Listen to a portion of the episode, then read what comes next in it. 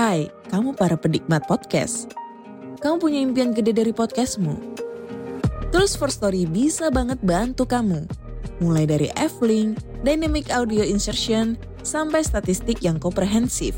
Semua ada di First Story. Gak ketinggalan kamu bisa monetisasi podcastmu lewat iklan dari First Story Ads yang bisa kasih kamu penghasilan dari setiap place podcastmu.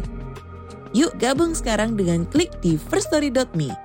Sekali lagi, klik di firststory.me. Mari kita bawa mimpi podcastingmu menjadi kenyataan.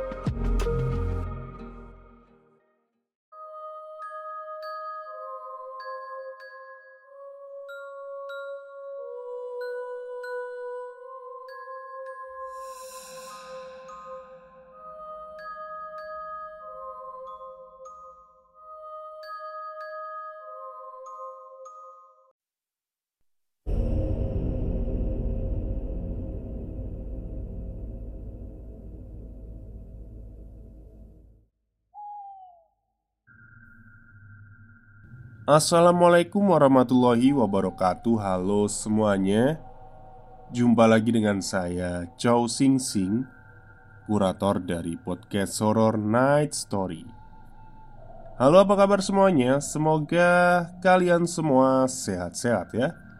Dan seperti biasanya pada hari ini Saya kembali Dan akan menghadirkan sebuah kisah mistis untuk kalian semua Kisah mistis kali ini saya datangkan dari treat horornya Payung Hitam Yang menceritakan tersesat bersama Abang Gojek. Maksudnya Abang Ojek lah ya. Kalau saya nyebutnya Abang Gojek Nanti dikira salah satu aplikasi. Oke daripada kita berlama-lama Mari kita simak ceritanya Halo semuanya, perkenalkan namaku Dian dan kejadian seram yang aku alami ini terjadi sekitar bulan November 2020 Waktu itu aku baru pulang dari rumah tanteku yang ada di daerah Bekasi. Aku memang sering ke rumah tanteku ini. Ya bisa setiap minggu dua kali atau sekali lah. Tanteku ini tinggal sama kakekku jadi tanteku anaknya kakekku Satu-satunya yang bisa ngurus sampai masa tuanya. Karena anak kakekku yang lain seperti om dan ibuku Punya kesibukan lain yang gak bisa selalu ngurus kakek. BTW rumahku juga gak jauh dari rumah tanteku. Ya masuknya Jakarta Timur sih. Tapi perbatasan Bekasi Aku berkunjung ke rumah kakekku kira-kira sampai habis maghrib dari siang jam 2an Waktu itu tanteku nawarin buat nginep aja. Karena emang kadang aku nginep di rumahnya. Tapi karena aku besok harus kerja pagi Jadi habis maghrib atau sekitar jam 7 malam aku izin pulang.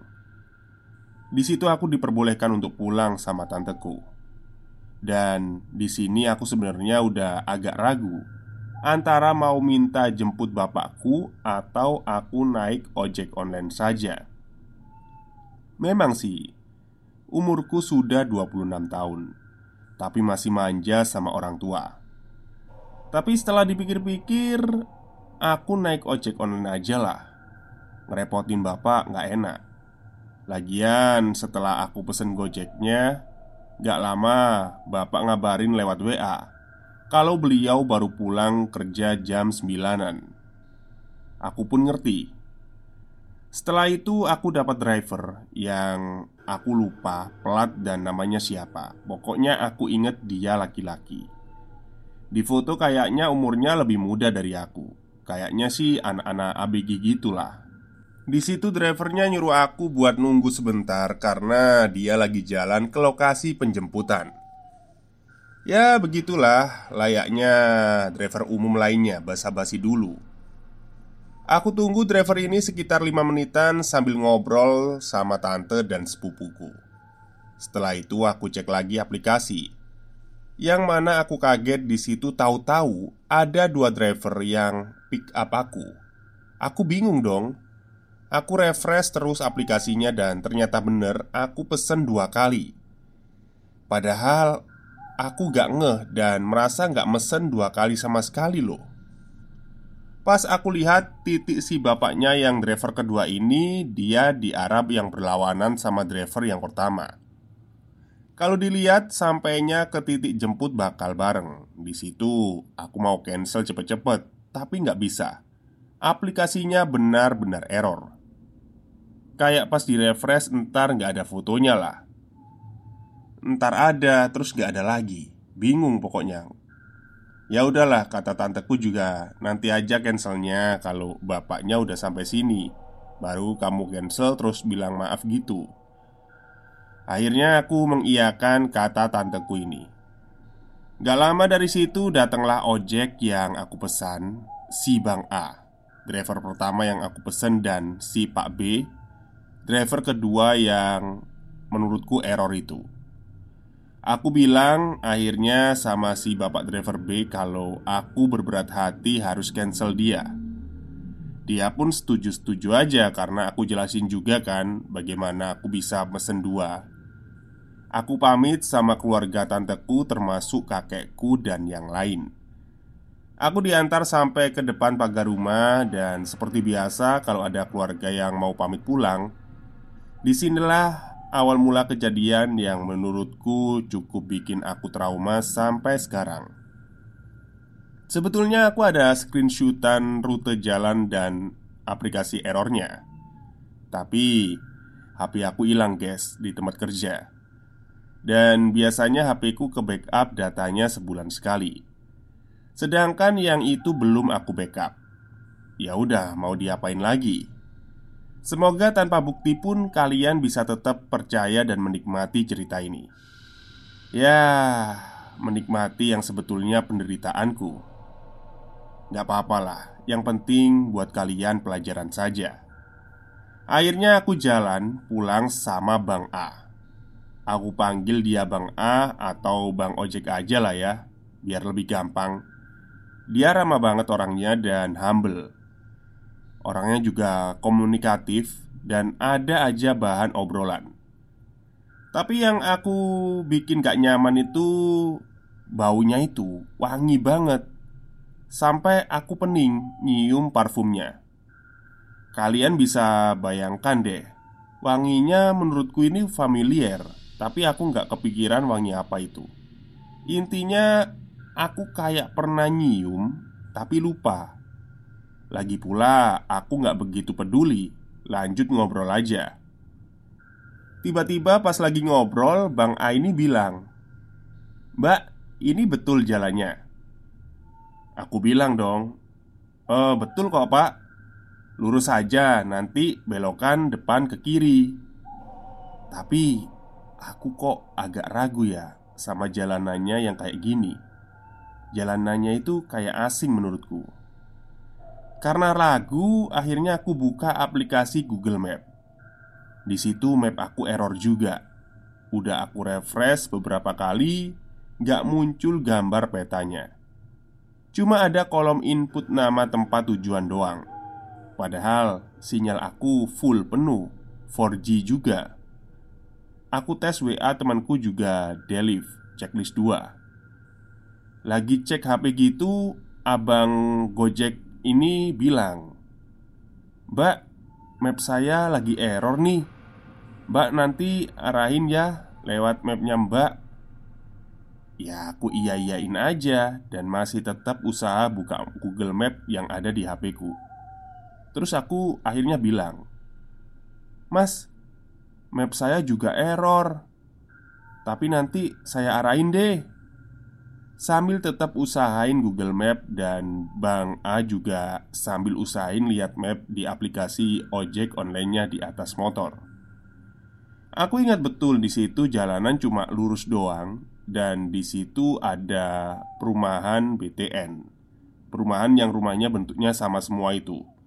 Yang rata-rata lampu rumahnya mati dan cuma lampu jalanan saja yang nyala. Aku bingung sih sebenarnya, perumahan apa ini? Sedangkan seingat aku, tiap aku ke rumah tanteku, aku nggak pernah lewat perumahan ini. Lagian, sejak kapan ada perumahan dekat sini yang bentuknya seperti ini?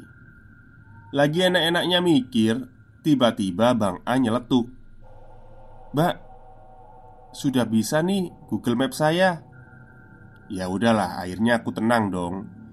Tapi entahlah, jalanan yang kita lewatin makin lama makin asing. Perumahan tadi sudah lewat. Sekarang kita ngelewatin gang-gang kecil kumuh. Di situ juga aku nggak ngomong apa pun sama Bang Aini. Aku cuma amatin sekitar yang sama sekali aku nggak lihat orang bahkan motor lain. Saat itu juga aku ingat ngecek jam dan ternyata sudah jam 7 lewat Yang artinya sudah masuk isya Aku pun gak dengar suara adzan sama sekali di perkampungan itu. Lama-lama merinding juga. Didukung suasana yang sunyi dan juga jalanan yang sempit tapi senyap. Bang, perasaan ini bukan jalan ke rumah saya deh Kataku Masa sih mbak?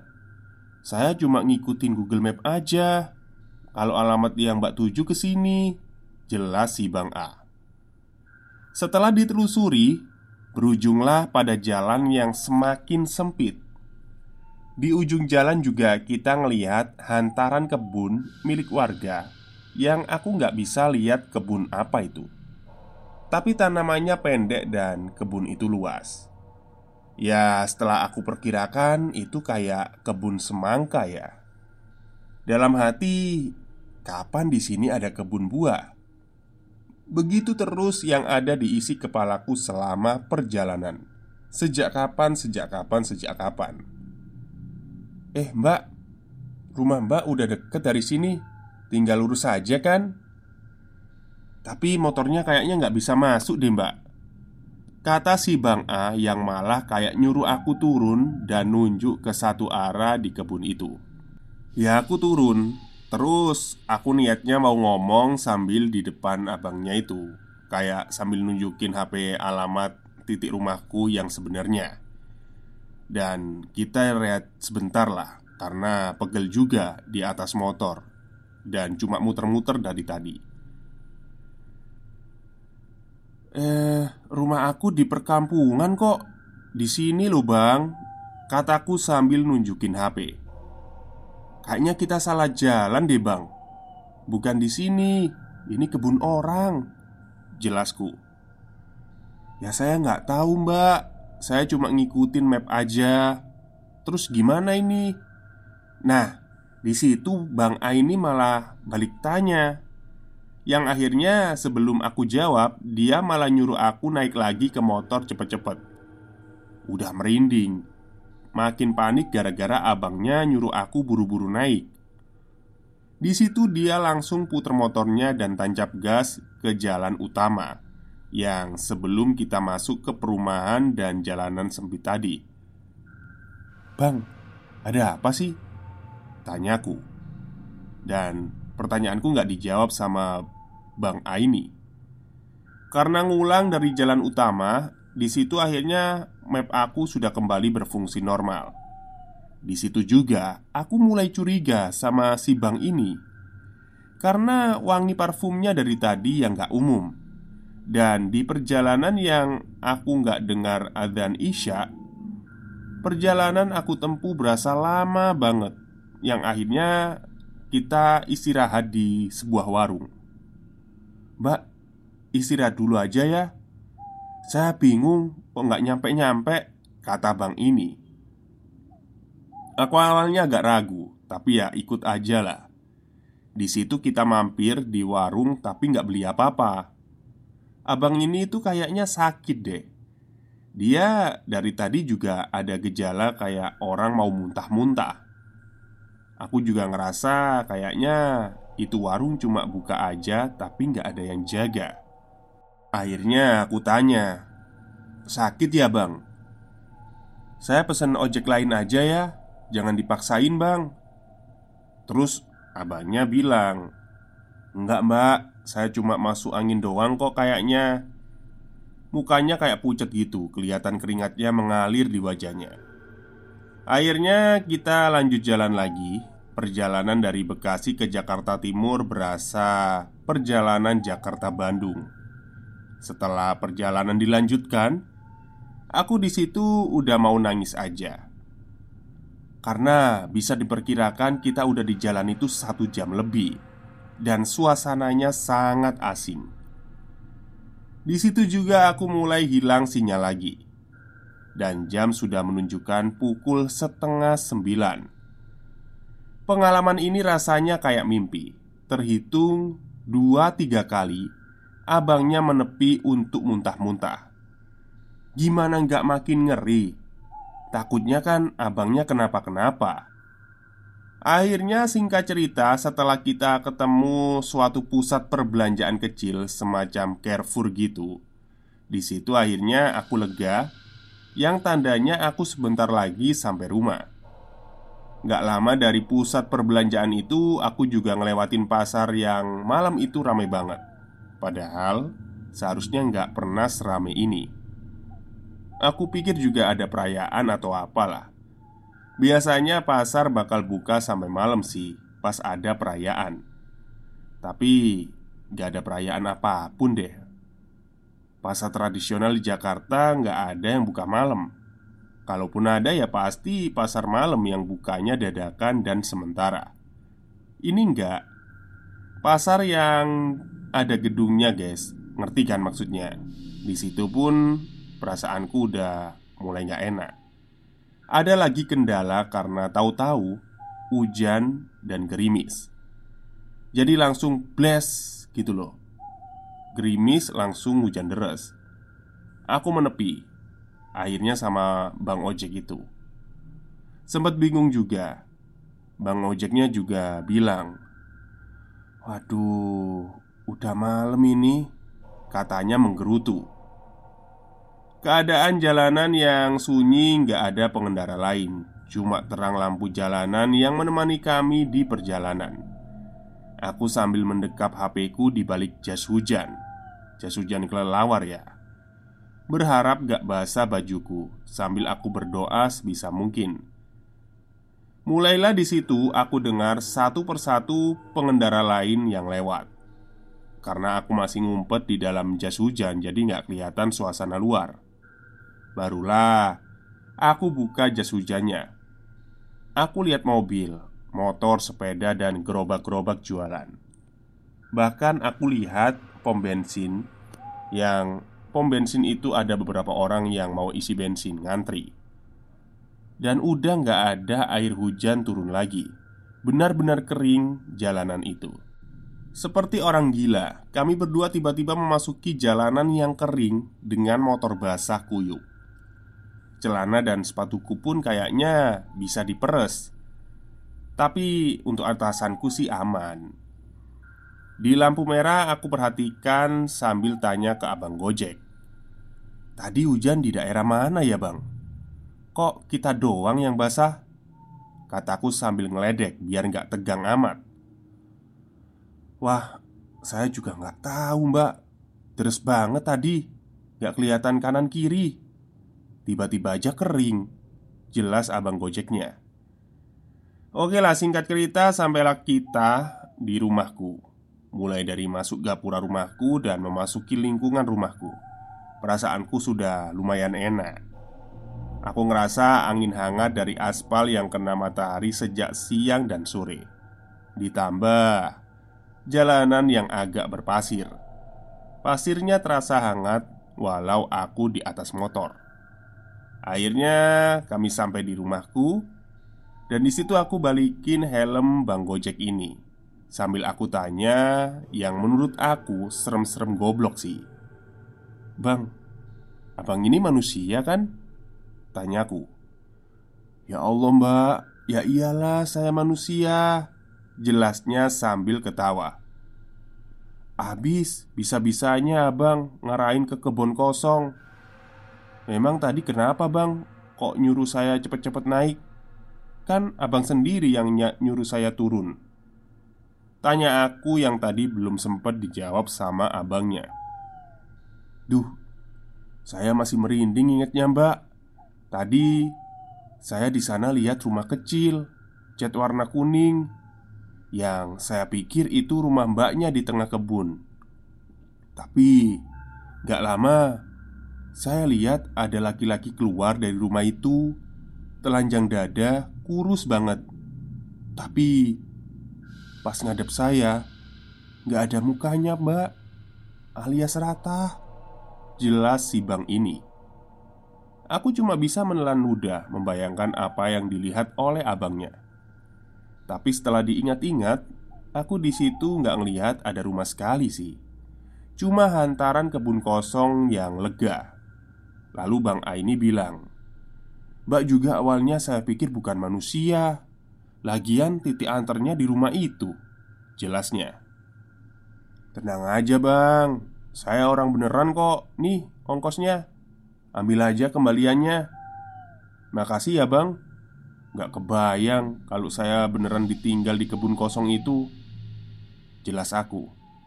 Saya yang makasih banyak mbak Saya juga bener-bener minta maaf. Hehe. Sambil menyatukan tangannya di depan mukanya. Tanda terima kasih yang teramat sangat. Karena aku kasih uang 70 ribu Yang harusnya tarif di aplikasi cuma 16 ribu. Belum masuk ke rumah, aku masih lepas sepatu di teras. Aku letakkan HP di meja teras Kemudian ramai sekali notif yang aku terima ada WA, DM, miss call, bahkan sampai DM TikTok pun ramai. Aku betul-betul kaget ternyata itu dari bapak, ibu, dan adikku sampai tante dan kakekku Yang betul-betul mengkhawatirkanku. Dan betapa kagetnya lagi Ternyata waktu itu sudah pukul 12 malam. Astaga Aku bisa dimarahin habis nih sama bapak Cepat-cepat aku masuk ke dalam rumah. Assalamualaikum bu. Kataku Aku disambut sama adikku yang kemudian bilang Waalaikumsalam. Mbak, ditelepon gak diangkat. Bapak udah marah-marah loh. Gak ada telepon masuk. Mbak tadi nyasar di jalan sama ojek. Ibu di mana? Jelasku. Ya sudah tidur semua Kata adikku Yang kemudian ninggalin aku ke kamarnya. Aku tahu bapak juga udah ada di dalam kamar sama ibu dan belum tidur. Tapi beliau betul-betul nggak nyambut aku pulang.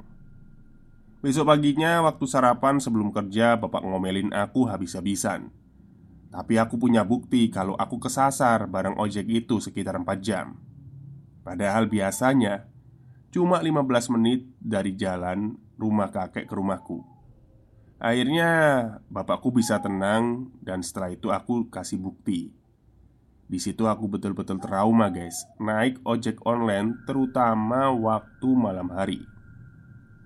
Gak lama dari kejadian itu Ada acara kumpul keluarga yang Buat aku ketemu lagi sama kakek.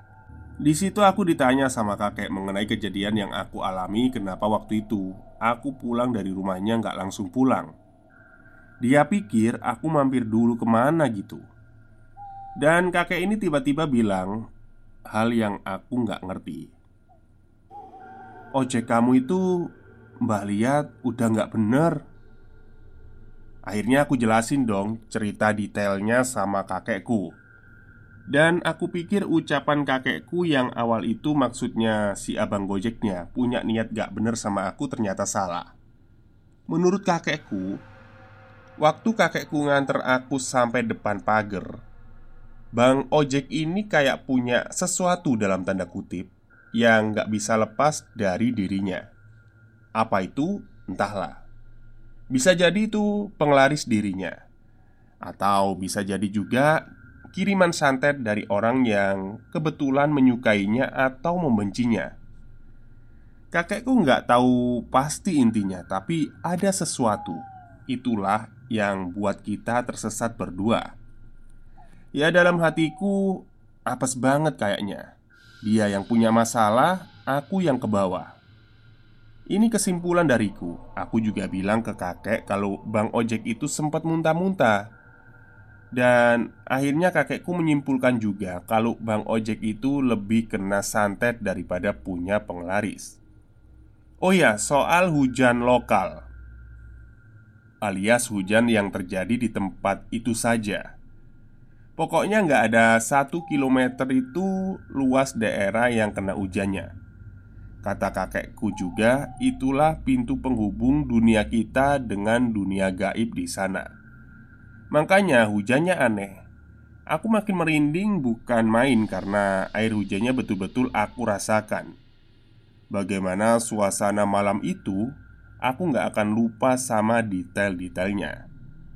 Setelah curhat sama kakek, di situ aku langsung kepikiran nasib Bang Ojek ini. Dan setelah itu, aku juga cerita ke rekan kerja dan juga teman lamaku. Maksudnya mau sharing lah, tapi malah dapat berbagai macam spekulasi. Mulai dari katanya Bapak Ojek ini sebetulnya sakit hati karena aku lebih memilih Bang Aini.